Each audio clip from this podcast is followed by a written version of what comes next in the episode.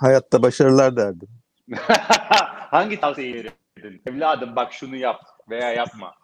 Yok işte hayatta başarılar derdim. Çünkü anlamazdı ki beni. Ama sensin, sen anlarsın. Gelecekten gel, gelen sen olduğunu. Kesin anlamazdı. Çünkü o kadar farklı ki bulunduğun konteks farklı. Senin kafanın o şekilde e, o günkü konfigürasyonu farklı. Bir şeyi duyduğun zamanki e, re- respon yani ö- sihirli değnek gibi bir şey. Sihirli değnek yok ki. Onun Ha, için çok hayatta doğru soru. başarılar derim. Evet, o da o da bir sonraki sorumuz zaten. Seni tebrik ediyorum bu konuda. Soruları okumuşsun.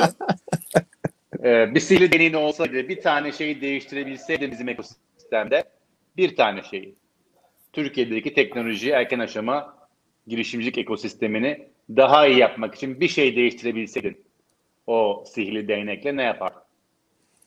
Ee, ekosistem oyuncularını e, en az 10 katına çıkarırdım.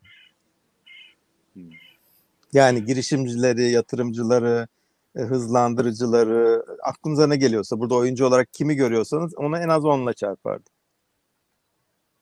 Yani mümkünse az da yüzde diye. Evet.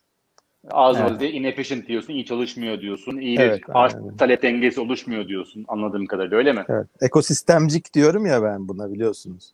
Yani Türkiye'deki Evet. girişimcilik ekosistemine ben ekosistemcik diyorum. Niye? Çünkü bir ekosistemin ekosistem olması için bir oyuncularının, e, role player'larının ya da e, neyse üyelerinin sayısının çok olması lazım.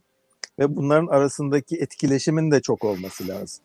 Yani bizim örneğe dönersek daha çok girişimci, daha çok mentor, daha çok yatırımcı olmalı. Sadece o değil, aralarında da çok daha fazla ilişki olmalı. Mesela siz diyelim günde 10 kişiyle konuşuyorsunuz, mümkünse 20 kişiyle konuşun.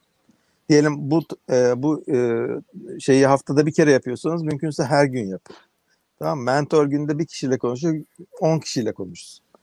Ve Hmm. ondan daha fazla mentor olsun. Yani bu e, herhangi bir pazar yeri, marketplace'in e, zaten olmazsa olmaz bir şeysi.